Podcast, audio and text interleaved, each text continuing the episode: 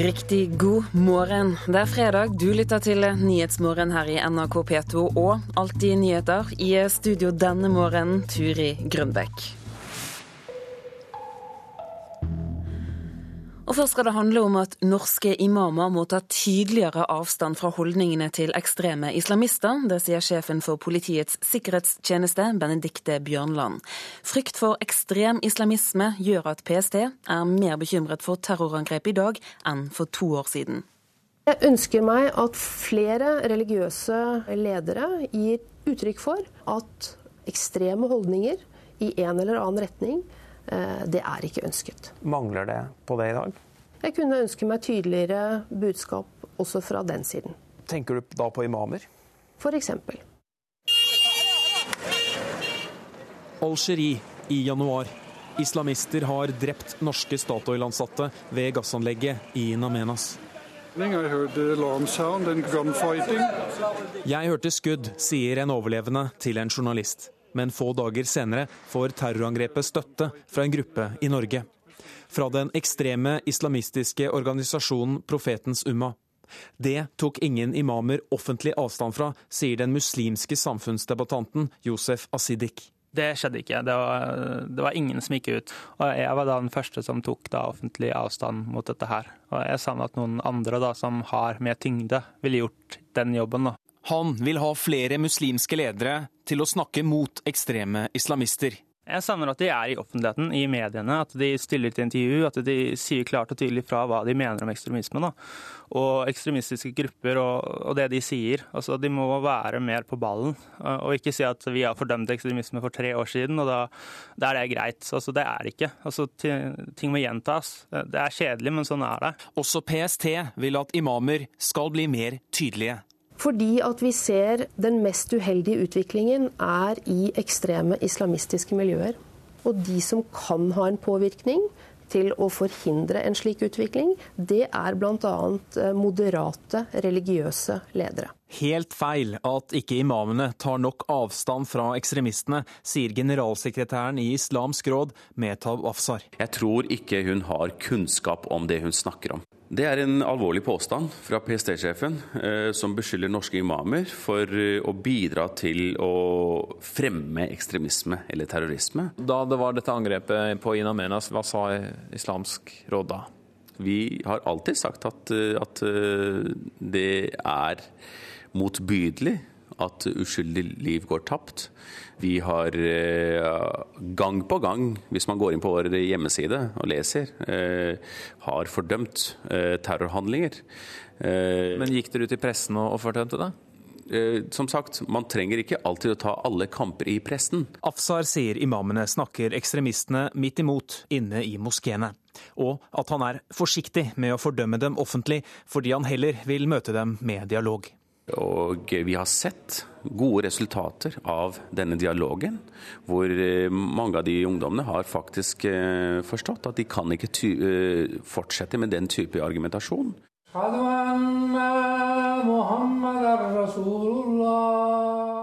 Rolig bønn i en moské i Drammen. Imam Ahmad Noor er enig med PST i at imamene må si fra. For islam handler om fred og ikke terror, sier han.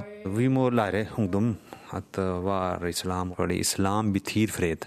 Eh, som religion som heter fred, hvordan kan bli terrorist? Reportere her var Hallo Asvald og Siv Sandvik. Statsviter Camilla sa vi hører altså at flere mener at norske imamer er, imamer er for tause. Hva synes du? Jeg er nok langt på vei enig i den kritikken som kommer mot imamene om at de fremstår altfor ofte for tause i, i, det offentlige rom når det gjelder ekstreme handlinger. Eh, jeg etterlyste også selv i en lengre kronikk i vinter en mer synlig front eh, mot ekstremisme. Men jeg tror man snakker litt forbi hverandre også i dette innslaget når det kommer til dette temaet. For det jeg og Asidik bl.a. ønsker, er en mer synlighet. Altså vi, vi, vi mener at vi vet at imamene er ganske tydelige når det gjelder terror og terrorvirksomhet, men denne tydeligheten forsvinner litt i det offentlige rom. Så det man ønsker er at de langt på vei skal klare å være mer synlig i det offentlige rom og få fram det gode arbeidet de gjør hjemme. Hvorfor er det så viktig å få dette ut, altså ut i offentligheten? Nei, igjen, altså det er, eh, Vi lever i et eh, samfunn hvor, eh, hvor storsamfunnet ikke får med seg hva arbeidet som blir gjort eh, i moskeene. Jeg vet det blir arrangert gruppemøter, det blir arrangert temamøter, det blir tatt opp på fredagsmøter, som Afsar eh, så fint var inne på. Og vi hører også Imam Nord, som er et godt eksempel på alt det gode arbeidet som blir gjort, men det forsvinner i det store bildet. og den, Det må komme litt mer tydelig fram. Og jeg tror heller ikke det går an å alltid være like hårsår på at dette har vi tatt avstand fra. Gå på hjemmesiden vår, se hva vi har skrevet. Det er noen tema man må legge til side sin hårsårhet og, og, gjenta sitt budskap om igjen og om igjen. Så vi må forvente at imamene orker å ta denne debatten igjen og igjen? Rett og, rett og slett ork. Og jeg tror, man, jeg tror, man, kan lære mye av andre interesseorganisasjoner og, og, for den saks skyld politikere. Jeg tror ikke verken Erna Solberg eller Jens Stoltenberg liker å måtte gjenta sin tresetningsbudskap eh, hvert år. Men de, vet at skal dette budskapet sitte, så må de gjenta det dag etter dag, uke etter uke, valgkamp etter valgkamp. Og slik må også imamene til en viss grad gjøre. Men, men hva slags eh, autoritet har imamer i ekstreme miljø? Ja, Der er du inne på veldig viktig tema. Altså, jeg tror nok imamenes autoritet er eh, ganske overdreven. Eh, den, den, den, er der, eh, men samtidig er den også overdreven. Men jeg mener at det ikke fritar dem fra det religiøse ansvaret de har til å kunne ta et tydeligere lederskap i forhold til ekstreme, ekstreme handlinger. Det er samtidig da, altså Imamene har også det problemet at de kjemper imot eh, en gruppe som ikke nødvendigvis hører på disse imamene vi eh, forholder oss i Norge. Eh, de blir jo selv beskyldt for å være vantro når da de prøver å tale dem imot. Eh, vi har en gjeng med nettpredikanter eh, som er mye flinkere til å eh, hisse opp og bruke den ungdommelige aggresjonen som eksisterer der ute, i forhold til hva imamene klarer. Kamil Azar, takk for at du kom hit til Nyhetsmorgen. I helgen vil pårørende etter terrorangrepet 22.07 besøke Utøya for å minne sine kjære. For mange kan dette bli siste sjanse til å se øyen slik den var før rivingen, når gjenreisingen av nye Utøya, som starter neste år.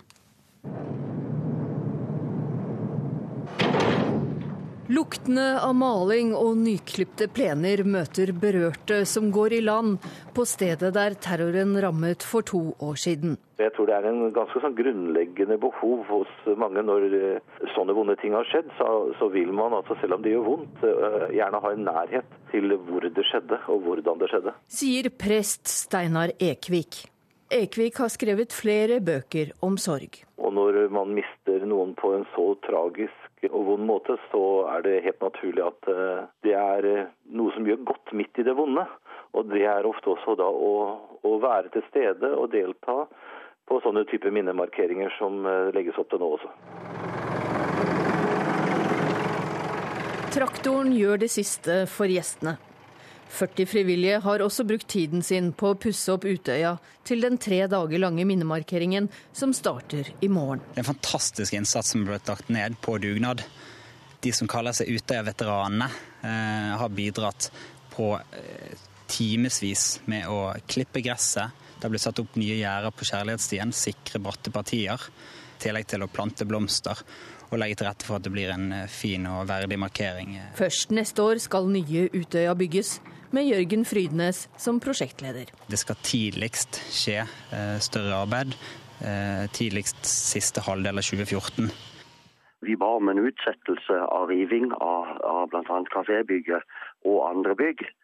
Fordi at eh, mange av de etterlatte og de overlevende trengte mer tid på å venne seg til tanken. Støttegruppen for de pårørende og Trond Henry Blattmann har bedt AUF utsette planene om nye Utøya til slutten av neste år. Det handler jo om den følelsesmessige belastninga det er å, å rive bygg hvor, eh, hvor familier har mista sine kjære, og gjøre det så fort etter at det skjedde. Men gjenreisning av Utøya og en ny start, det er ingen dårlig idé, sier prest Steinar Ekvik. Så er det også noe ved sorgen eh, som eh, på amerikansk blir uttrykt på, på følgende måte at a new start starts with an ending. Altså Hvis man skal komme videre og få starta på nytt igjen, så må man også avslutte noe på en god måte. Reportere her var Hedvig Bjørgum, Siv Sandvik og Lisbeth Jørgensen. Tidligere AUF-er Jostein Moen, du er forfatter. I fjor skrev du bok om Utøya sammen med Trond Giske. Hva mener du bør skje? For å forstå Utøya og Utøyas framtid, så tror jeg det er viktig å, å kjenne Utøyas historie. Og siden AUF fikk Utøya i 1950, så har Utøya på mange måter vært AUFs hjerte. Og jeg tror at det som vil skje på Utøya, er at eh, etter grundige runder med eh, alle involverte, som man nå har sett, så vil AUF gradvis nærme seg Utøya. Man hadde jo sommerleir ved Tyrifjorden nå nylig. Og etter hvert så vil øya igjen eh, bli et sted hvor ungdom møtes, samtidig som man forvalter minnet om det forferdelige som skjedde 22.07. Så denne dobbeltheten den går an å forvalte? Det er en veldig krevende situasjon som, som eh, AUF eh, som eier av Utøya har havna i. Og eh, hvis man ser på andre steder hvor det har hendt uhyrlige ting, Oklahoma i USA der 168 mennesker ble drept i et bombeangrep, eller, eller New York City med Ground Zero, så ser man at etter litt tid så finner man fram til en balanse og et samspill mellom behovet for å minnes og behovet for å legge til rette for nytt liv og ny aktivitet. Men, men hva med å gjøre Utøya til et rent minnested? Jeg har veldig stor respekt og forståelse for dem som mener det. Og i diskusjonen etter terrorangrepet på Utøya, så har det vært eh, stemmer i debatten som har ment det, og det er det sikkert fremdeles. For AUF som eier så må man prøve å finne balansegangen her mellom ulike hensyn. Og eh, Kanskje så vil man ikke klare å gjøre alle til lags, men eh, så vidt jeg har forstått, så har AUF eh, nå en veldig konstruktiv dialog med eh, støttegruppen og andre grupperinger. Man har tatt tida til hjelp. Og man har gjort det som Martin Henriksen, tidligere AUF-leder og daværende styreleder i Utøya AS, har sagt. Man ønsker å gjøre dette best mulig og gjøre det riktig, og ikke gjøre det raskest mulig. Altså man har tatt tida til hjelp. Nå starter rivingen og gjenreisingen til neste år. Tidspunkt, er det riktig? Det er det sikkert også mange ulike meninger om. Eh, for AUF som organisasjon så tror jeg det er viktig at eh, man kommer i gang med arbeidet. Eh, og det er viktig at det skjer på riktig måte. Nå har jo AUF utsatt riving av kafébygget etter henstilling fra pårørende. Og man har da valgt å la det gå mer enn tre år før man går i gang med med ny aktivitet og, og, omfattende endringer. Eh, det som er interessant er at Nå har det jo vært lagt ned så mye dugnadsarbeid på Utøya de siste tre månedene. Eh, sannsynligvis den sterkeste dugnadsinnsatsen på nesten 60 år. Og Det viser at for mange så er det viktig at terroren ikke seirer, og at Utøya igjen blir et sted for forsvar for demokratiet. Jostein Moen, takk skal du ha. Dette er Nyhetsmorgen i NRK P2 Alltid nyheter. Klokken er 7.16. Dette er hovedsakene. Norske imamer må slå mer ned på ekstreme holdninger, sier PST. Frykten for islamistisk terror har økt.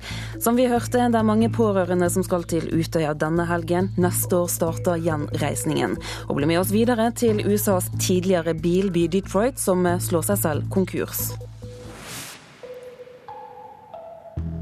Først skal vi til Frankrike, for Varg Vikernes ville ikke snakke med norske journalister da han ble løslatt av fransk politi i går kveld. Den drapsdømte nordmannen ble arrestert tirsdag, mistenkt for å ha planlagt en terroraksjon. Vår reporter Marit Kolberg i Frankrike, i går var du ute ved gården til Vikernes. Hvordan var det der? Ja, da ser det ut til at teknikken ikke står oss bi når det gjelder å få kontakt med Marit Kolberg. Det betyr at vi går videre til Detroit. USAs tidligere bilby slår nemlig seg selv konkurs. Byen har en gjeld på 100 milliarder kroner og sliter med å komme ut av det økonomiske uføret. Det er den største byen i USAs historie som begjærer seg selv konkurs. As tough as this is, Uh, I really didn't want to go in this direction, But uh, now that we are here, we have to make the best of it. Vi må gjøre det beste ut av det, sier borgermester David Bing. Dette er en ny start for Detroit. Uh, Byen ber om konkursbeskyttelse fordi forhandlinger med kreditorer har brutt sammen, og myndighetene ser ingen annen løsning på den økonomiske krisa. Detroit har vært under administrasjon de siste månedene.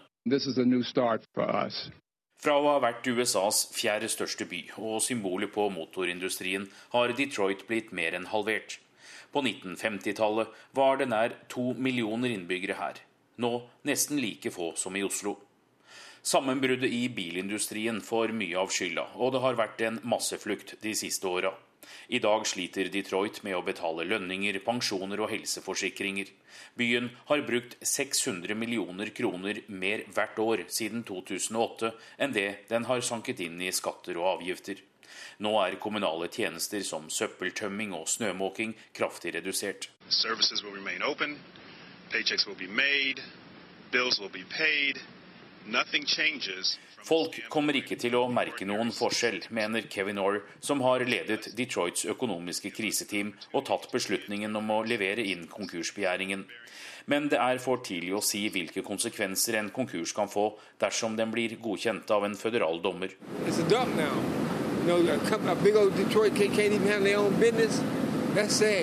En søppelplass, sier en av Detroits innbyggere etter at nyheten ble kjent.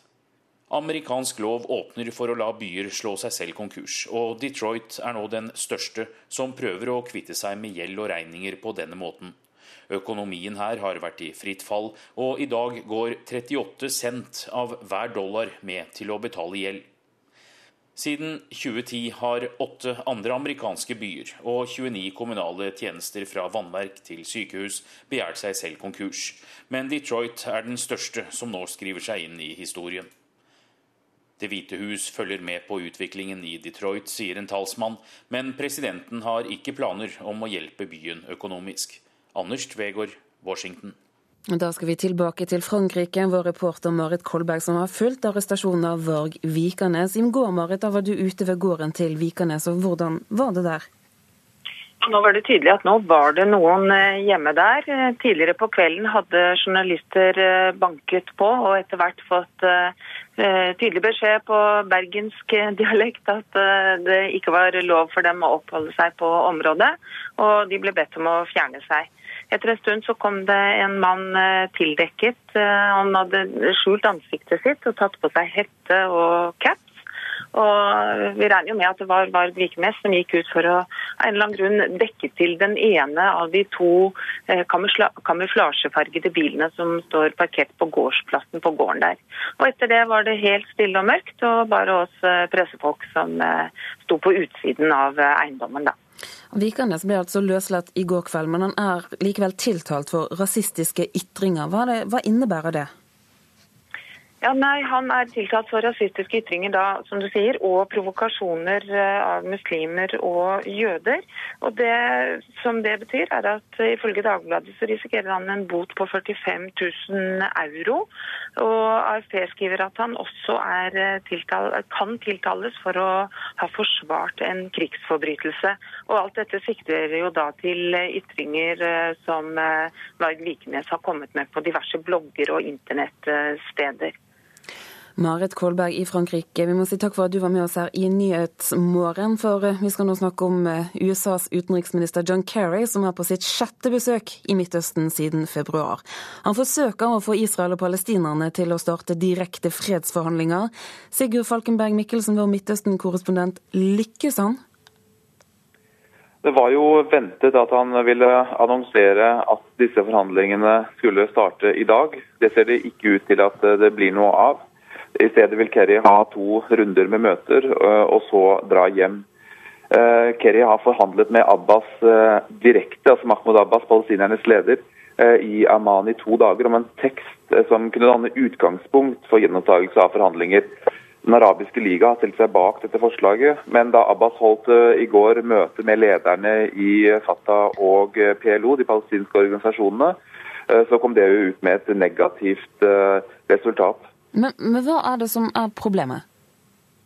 Grunnleggende for palestinerne så tviler de på Israel og statsminister Benjamin Netanyahus egentlig fredsvilje. Og De føler jo at som den svake parten er, at de må ha et solid og formelt utgangspunkt for at det skal være noe vits å forhandle.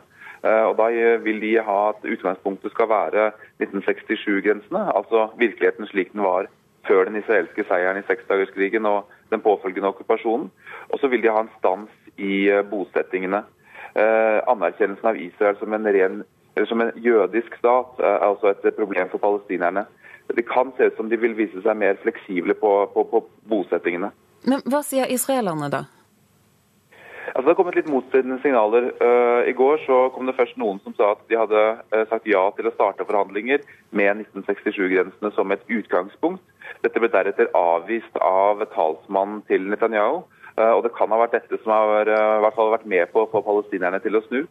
I natt ringte USAs president Barack Obama Netanyahu direkte med en sterk oppfordring om å gjenoppta forhandlinger.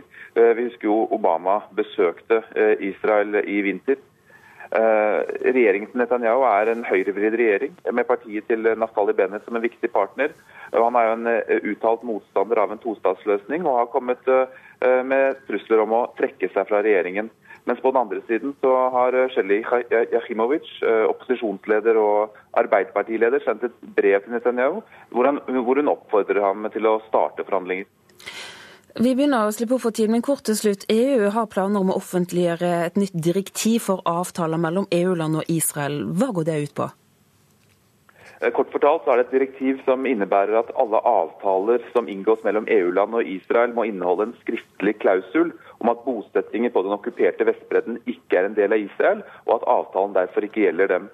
Dette ser ut som har kommet overraskende på israelerne og blir kalt et både diplomatisk nederlag og et diplomatisk jordskjelv i Israel. Sigurd Falkenberg Mikkelsen, takk skal du ha. Tiden er nå inne for å se nærmere på dagens avisforsider. Det er stor økning i anmeldte seksualforbrytelser. Det er overskriften i Vårt Land. Per innbygger her i Norge så anmeldes flest forhold i de to nordligste fylkene. USA mangler gift til henrettelser, det er overskriften i Dagsavisen.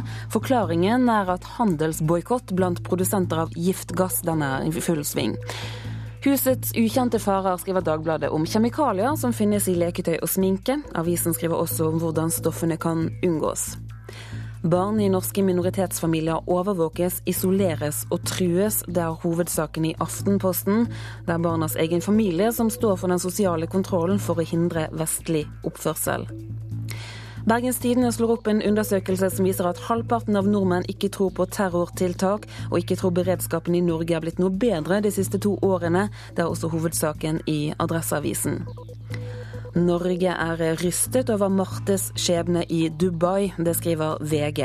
Om den norske kvinnen som sitter strandet i Dubai etter å ha anmeldt en voldtekt, og det endte med at hun selv ble dømt for utenom-ekteskapelig sex går inn for rangering av lærere i skolen. Det er overskriften i Klassekampen, der ledelsen i Utdanningsforbundet som vil dele norske lærere inn i kategorier, f.eks. kvalifisert eller spesielt kompetent. Distriktene skal få mer penger til kultur på bekostning av storbyene dersom Senterpartiet får det som de vil. Det slår Nasjonen U opp. Og Dagens Næringsliv har sett på regler for ansatte i oljeselskap og laget en aldri så liten liste. Det er strenge regler, skriver avisen på sin forside, og lister opp at eh, oljeansatte bl.a. må ha lokk på kaffekoppen og må rygge ved parkering på jobb.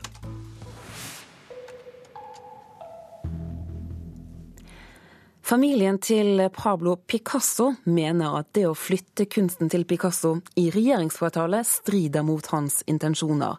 Nå ønsker de å delta i diskusjonen om fremtiden til regjeringskvartalet. You cannot just take the works of Pablo Picasso and put them into another building. Picasso-administrasjonen ved Claudia Andrieux administrerer rettene til arvingene etter Picasso. De er nå bekymra for at norske myndigheter skal rive regjeringskvartalet.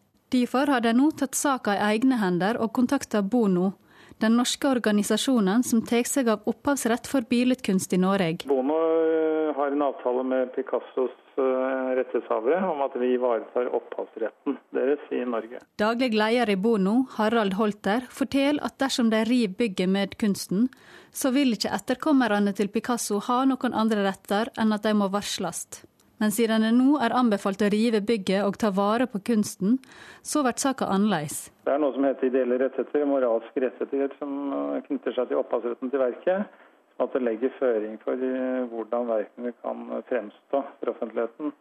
Eh, så Det blir en vurdering av, avhengig av hva man har tenkt til å gjøre med det. Med andre ord må ei eventuell flytting av kunsten til et nytt bygg være godkjent av Picassos etterkommere. Andrieu sier de har stor forståing for kjenslene kring bygga etter 22.07, men ser ikke på riving som en god løsning. Kunsthistoriker og tidligere direktør ved Henny Onsdag kunstsenter, Karin Hellandsjø, har kuratert ei utstilling om Picassos arbeid i Oslo for Nasjonalmuseet. Og hun støtter skepsisen til Picassos etterkommere. Dette er jo kunst som er laget i og for det stedet hvor de er. Så det er virkelig integrert. Altså mer integrert enn dette kan man jo ikke få det. Så når man tar den ut, så mister den en viktig Eller om man tar den ut, plasserer den et annet sted, så mister den jo en, en viktig funksjon. Da blir det bare en dekorasjon, og det var det jo ikke meningen at det skulle være. Og fornyings- og administrasjon. Kirkedepartementet skriver i en e-post at spørsmål om opphavsrett er gjenstand for vurdering når det skal tas standpunkt til om statsministerblokken og Y-blokken skal bevares eller ikke. Reporter i dette innslaget det var Jean Kristin Sena. Og du lytter til Nyhetsmorgen i NRK P2 og Alltid nyheter. Det er Eli Bjelland som er produsent for Nyhetsmorgen i dag. Her i studio Turi Grønbekk. Vi skal straks rydde plass til Dagsnytt og Anders Borgen Werring. Nevner bare at etter Dagsnytt så skal vi til Russland og til den største militærøvelsen på russisk jord siden Sovjetunionens fall. Denne er nemlig nå i gang.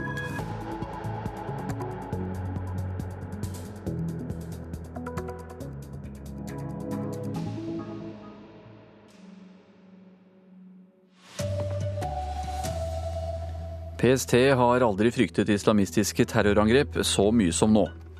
24-åringen som anmeldte voldtekt i Dubai, fikk sparken pga. usømmelig oppførsel. Norske fagskoler vurderer å bryte samarbeidet med det svenske firmaet. Og kronprins Haakon kjørte for fort i USA, men slapp unna med en advarsel.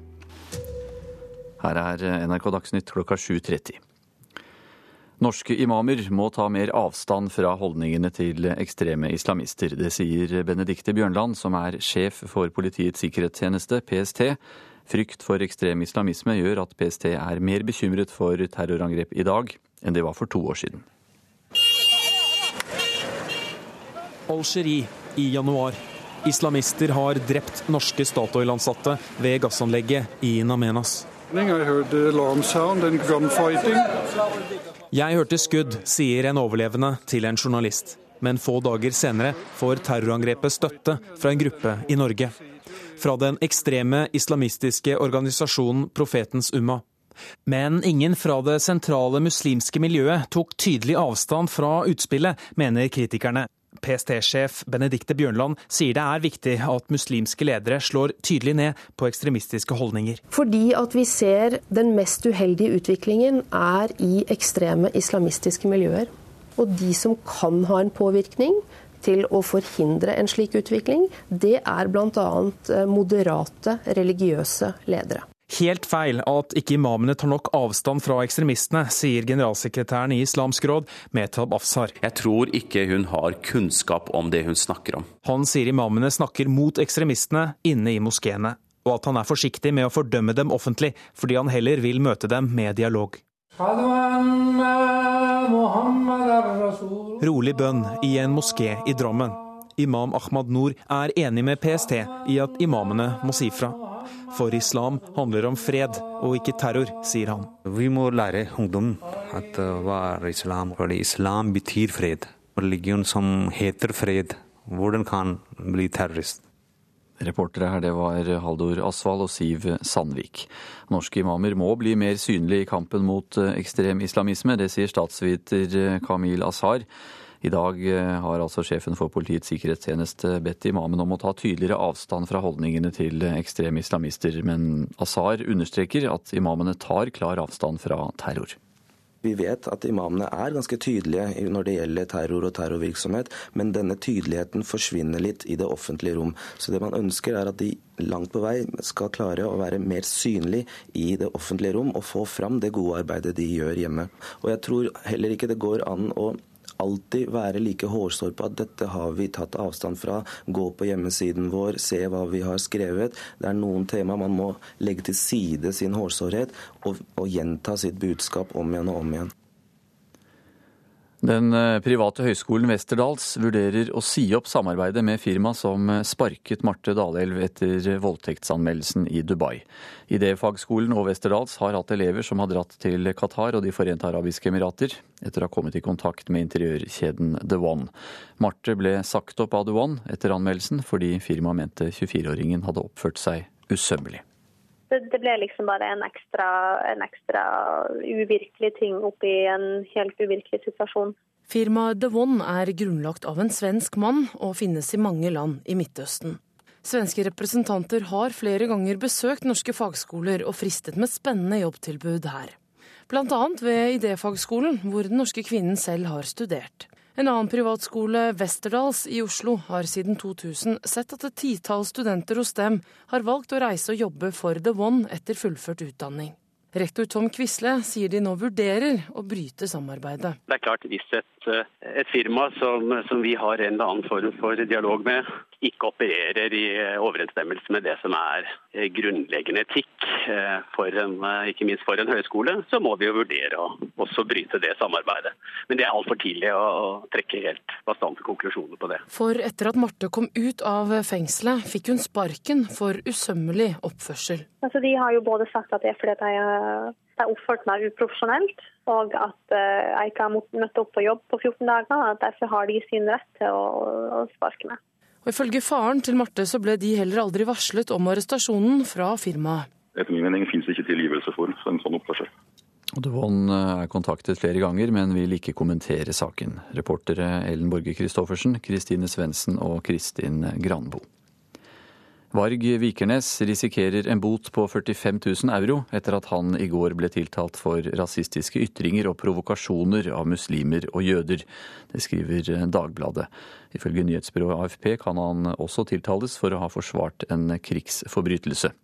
Vikernes ble løslatt av fransk politi i går kveld. I helgen vil pårørende etter terrorangrepet 22.07 besøke Utøya for å minnes sine kjære. For mange kan dette bli siste mulighet til å se øya slik den var før rivingen og gjenreisingen av nye Utøya starter neste år. Luktene av maling og nyklipte plener møter berørte som går i land på stedet der terroren rammet for to år siden. Jeg tror det er en ganske sånn grunnleggende behov hos mange når eh, sånne vonde ting har skjedd. Så, så vil man, altså, selv om det gjør vondt, eh, gjerne ha en nærhet til hvor det skjedde og hvordan det skjedde. Sier prest Steinar Ekvik. Ekvik har skrevet flere bøker om sorg. Og når man mister noen på en så tragisk og vond måte, så er det helt naturlig at eh, det er noe som gjør godt midt i det vonde. Og det er ofte også da å, å være til stede og delta på sånne typer minnemarkeringer som eh, legges opp til nå også. Traktoren gjør det siste for gjestene. 40 frivillige har også brukt tiden sin på å pusse opp Utøya til den tre dager lange minnemarkeringen som starter i morgen. Først neste år skal nye Utøya bygges, med Jørgen Frydnes som prosjektleder. Det skal tidligst skje eh, større arbeid Eh, tidligst siste halvdel av 2014. Støttegruppen for de pårørende og Trond Henry Blattmann har bedt AUF utsette planene om nye Utøya til slutten av neste år. Fordi at eh, mange av de etterlatte og de overlevende trengte mer tid på å venne seg til tanken.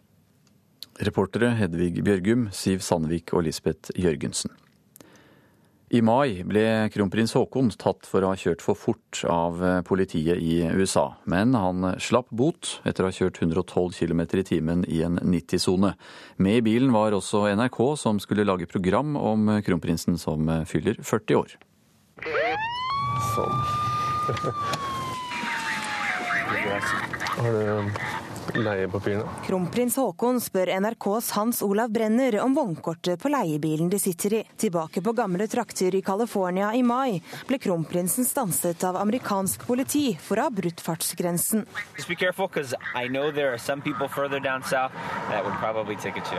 Vær forsiktig, sier politimannen. Jeg veit at politiet lenger sør vil gi deg en bot for slik kjøring, sier politimannen til Norges kronprins. Kronprins Haakon fikk ingen bot for å ha kjørt for fort, og takket høflig for hjelpa. Det er ikke uvanlig at politiet i USA gir advarsler i stedet for å skrive ut bøter. Det sier NRKs korrespondent i Washington, Anders Tvegård. Det kan være enklere å slippe unna med fart her enn i andre delstater. Politiet kan være med på å skrive ned fart og gi advarsler hvis du ikke har kjørt hensynsløst, eller det er mistanke om alkohol eller påvirkning av andre stoffer. Kommunikasjonssjef ved Slottet, Marianne Hagen, sier i en e-post i NRK at kronprinsen beklager fartsovertredelsen. Men hun understreker at det var politimannen som besluttet å ikke skrive ut en bot. Det var likevel med lettet hjerte kronprinsen reiste videre med bare en advarsel. Ja, reporter her, det var Ingrid Wilberg Arnesen. Og videoen der kronprinsen blir stoppet, den kan du se på nrk.no. Landslagssjef Even Pellerud nyter stor suksess med fotballandslaget under EM i Sverige. Nå mener han at de norske holdningene til kvinnefotball må endres. Suksessen er der allerede. Um, laget er kjempegodt, og framtida er lys på banen. Det er, det er det utenom banen som endres. Fotball-EM i Sverige går for fulle tribuner. Utenfor stadion står publikum i køer på 500 meter for å kjøpe billetter til kampene. Det kunne aldri skjedd i Norge, mener Pellerud. Det som har skjedd her i Sverige med arrangement, tribuner, banene, medieinteressen, det har jo tatt helt av. og det er, det er, det er nok en ny trend uh, som vi ser nå, med kvinnefotballens posisjon i, i sportsbildet. er endret veldig fort. Uh, nå håper vi at også Norge følger etter, at vi får samme trøkket på kvinnefotballen der. Det er nok et stykke fram, men jobben må starte. Reporter her, det var Olav Havdal Tangenes. Det er Anne Skårseth som har ansvaret for Dagsnytt denne morgenen. Lars Tronsmoen har det tekniske ansvaret. Jeg heter Anders Borgen Werring.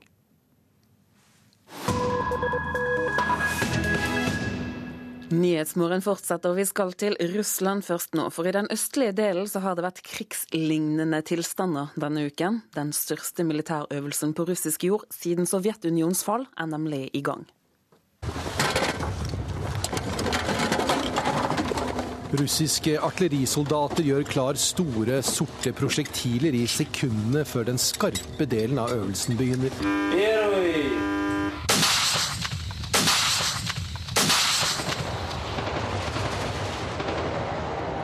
Dimensjonene er imponerende. 160 000 soldater er i gang. 5000 pansrede kjøretøyer. Hele Stillehavsflåten og skvadron på skvadron med jagerfly, bombefly og helikoptre. Det er den østlige delen av landets forsvar som trenes. Den som skal stå imot aggresjon fra Kina, Japan, kanskje USA, kanskje andre. 中俄联合海军演习刚刚落幕，就在中共媒体大肆渲染这次军演如何吓坏了日本的同时， Kineserne har snakket helt siden øvelsen begynte. Bemerkelsesverdig nok dagen etter at en stor russisk-kinesisk marineøvelse sluttet. Er det Kina som er fienden i øvelsen? er spørsmålet. En rekke russiske, kinesiske og amerikanske kommentarer går akkurat på det. Selvfølgelig gjøres dette for å vise Kina at Russland kan ta vare på seg selv, er konklusjonen. President Putin nevner ikke Kina med et ord.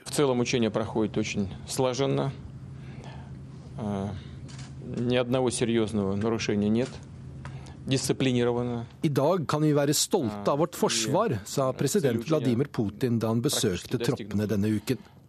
Forsvaret har demonstrert at de er klare til kamp på kort varsel. Og det er dette med kort varsel som virker å være et av de viktigste poengene med hele øvelsen dersom vi skal tro på det som blir sagt fra Kreml. Когда внезапные проверки прошли в западном, южном и центральном военных округах, стало понятно, на очереди восточный округ, но масштабы... Det virker ikke som de russiske TV-journalistene som dekker øvelsen, tviler på ordene fra Kreml og Putin. Vi hører en journalist som står midt i en logistikkoperasjon som kan minne om den andre verdenskrig. Tog på tog, fete med pansermonstre ruller i vei foran kameraene. De skal 3000 km av gårde året, på to døgn. To døgns varsel fikk Forsvaret. Det begynte med en hemmelig pakke med ordre som ble levert over kommandoen. De overraskende ordene i pakken, trykk på den aller største knappen, mobiliser alt, kom dere østover. Jeg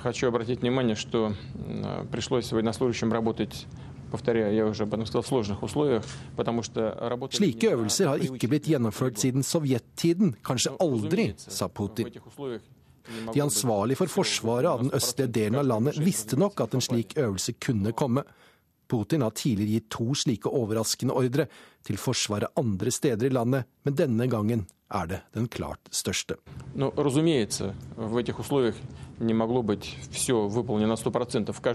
Slike øvelser er spesielt viktige nå, sa Putin også, og henviste til den pågående moderniseringen av det russiske forsvaret, et forsvar Putin bruker en stadig økende andel av landets rikdommer på.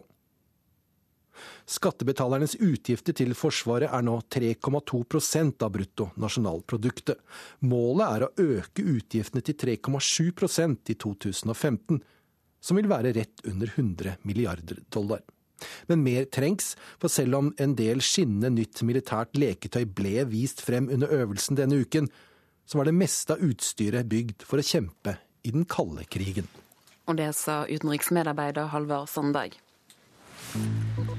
Du lytter til Nyhetsmorgen. Klokken er 7.44. Noen av hovedsakene våre der at frykten for islamistisk terror den har økt.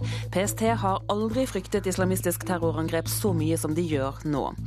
Og norske fagskoler vurderer å bryte samarbeidet med firmaet som sparket den 24 år gamle kvinnen som sitter i Dubai. Tiden er inne for Politisk kvarter og et oppgjør om gamle folk og byutvikling. Katrin Hellesnes? Ja, for når mange gamle kjøper opp de nye leilighetene, ødelegger de for det urbane liv, mener arkitekt, som møter en litt eldre mann til debatt.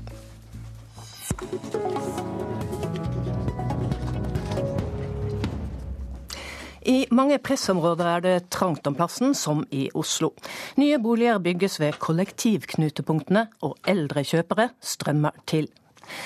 Redaktør for Fagbladet, arkitekten Gaute Brochmann, du er også arkitekt, og du mener dette er et problem. Og har sagt til Aftenposten at når de gamle kjøper, får man ikke det urbane, pulserende livet med folk i gatene og grunnlag for lokalt næringsliv. På hvilken måte er det de gamle ødelegger for det urbane og pulserende? Nå vil jeg ikke si at de gamle ødelegger for det urbane liv, men det som er saken, er vel at man ønsker seg en variert by og en by for alle. Og når man da får en situasjon hvor man får veldig høye konsentrasjoner av en bestemt gruppe i et bestemt område, så er det en lite ønsket utvikling. Så hvis vi snakker om de eldre, hvis det blir for mange av dem, så ødelegger de for det urbane gatelivet? Det er en måte å si det på. Fabian Stang, jeg sa at du var en litt eldre mann. Du, du, er jo fortsatt i 50-årene og trolig fortsatt også gangbar urban. Men hva syns du om utspillet fra Brochmann? Nei, Utspillet er det, det starter i gal ende. fordi at i våre dager så er eldre er jo ikke gamle.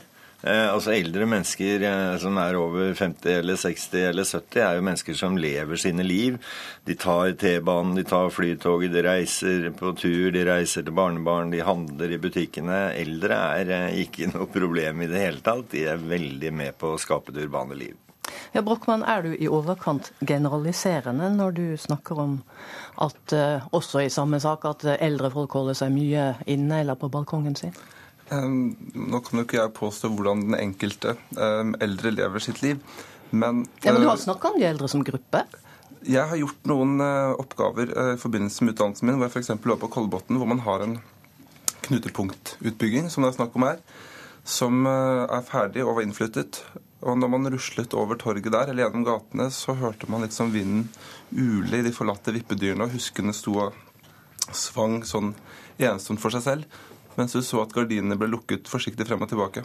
Og Nå er det ikke sikkert at det er representativt for alle områder, men min erfaring disse begrensede casene som jeg studerte, var at det var lite mennesker i gatene og mange på balkongene. Har du vært på Kolbotn og sett dette? Fabian Ja da, jeg har vært på Kolbotn også. Jeg har vært på de knutepunktene som vi har bygget ut eh, her i byen. Og det som skjer, er jo at en del som har hatt store boliger, eh, selger disse når eh, barna blir store og flytter ut. Det gjør at nye barnefamilier kan komme inn i de boligene. Hadde vi ikke foretatt knutepunktutbyggingen, så hadde jo folk blitt boende i villaene. Og det hadde i hvert fall ikke blitt noe urbant liv. Så dette fungerer aldeles utmerket. Men der hvor vi får en overvekt av én gruppe i et boligområde, så setter vi jo inn tiltak. Da bygger vi f.eks.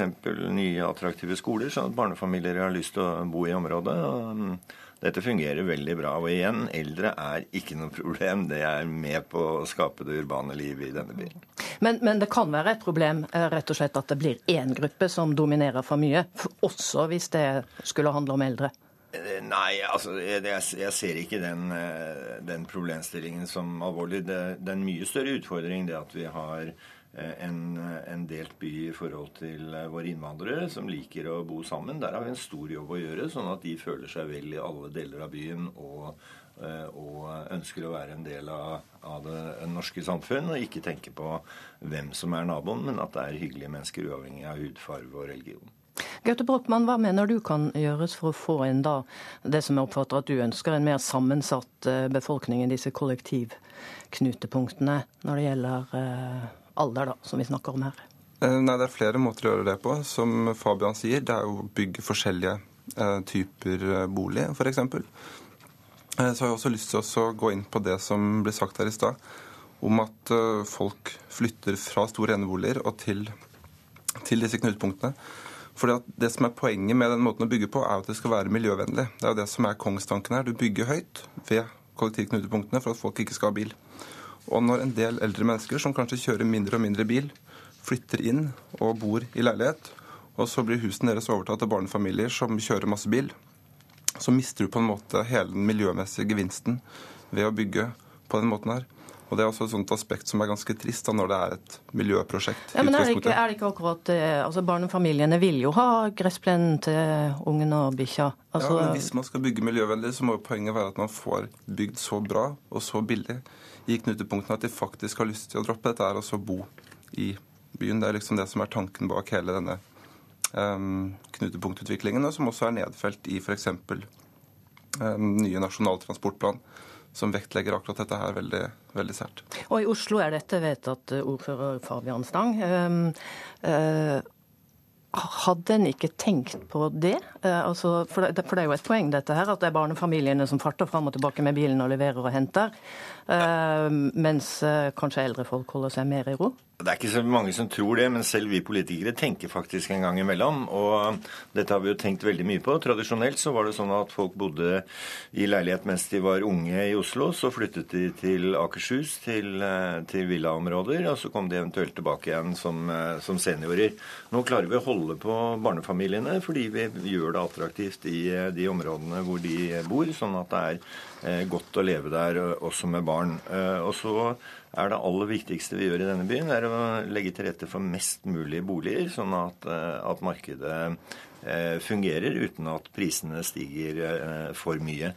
Og mm, det jeg opplever at dette utspillet inneholder, er en, et forsøk på Eh, regulere markedet, sånn at eh, yngre skal få subsidier for å bo i leiligheten osv. Det vet vi at det fungerer aldri. Markedet må ordne dette, og så må, må, politikerne legge til rette for en uh, variert uh... Men blir ikke, blir ikke, mange eldre som selger boligen sin vinnerne når markedet styrer da? Det blir jo himla dyrt. Nei, men jo flere som kjøper, kjøper, nye leiligheter, jo flere boliger blir ledige.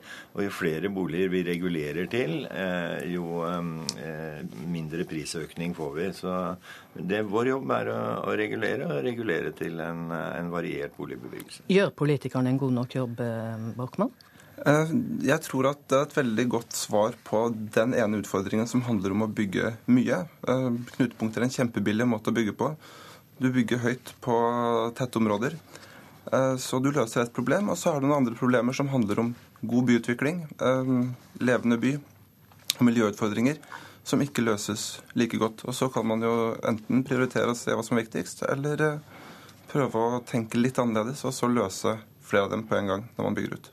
Men den gamle delen av befolkningen vokser jo, som vi vet. og er det ikke egentlig bra både for dem og for eh, samfunnet at de flytter inn i sånne, nettopp sånne nye, lettstelte leiligheter sentralt? Jo, sånn samfunnsøkonomisk så tror jeg det er uh, Samfunnsøkonomisk er det bra? Kjempe, kjempelurt. Men ikke for det urbane. Så hva skal en velge da? Eh, kanskje begge deler. Og som det sies her, det er ikke sikkert at knutepunkter i seg selv er dårlig. Kanskje hvis man bygger så mye mer at alle de eldre får kjøpt seg ferdig, så blir det plass til yngre også. Så får man både miljøgevinst, og man får eldre som ikke trenger sykehjemsplass, og man får en levende by. Men erfaringen til nå tilsier at du får en eller annen form for eldregettoer hvis man skal være litt stygg i byene, og så får man forurensende unge mennesker på landet. Og det ønsker vi oss ikke. Stang, hva skal du gjøre som ja, det ordfører som Jeg skal sende de gamle på landet, da. Det skal jeg i hvert fall ikke gjøre. Jeg skal sørge for at uh, de får et, uh, et godt liv i, i, denne byen og sikkert i andre byer. Og jeg skal sørge for at de forstår at de er et utrolig viktig element i det urbane, uansett hvor voksne man er. Takk for at dere kom til Politisk kvarter, Gaute Brochmann og Fabian Strang.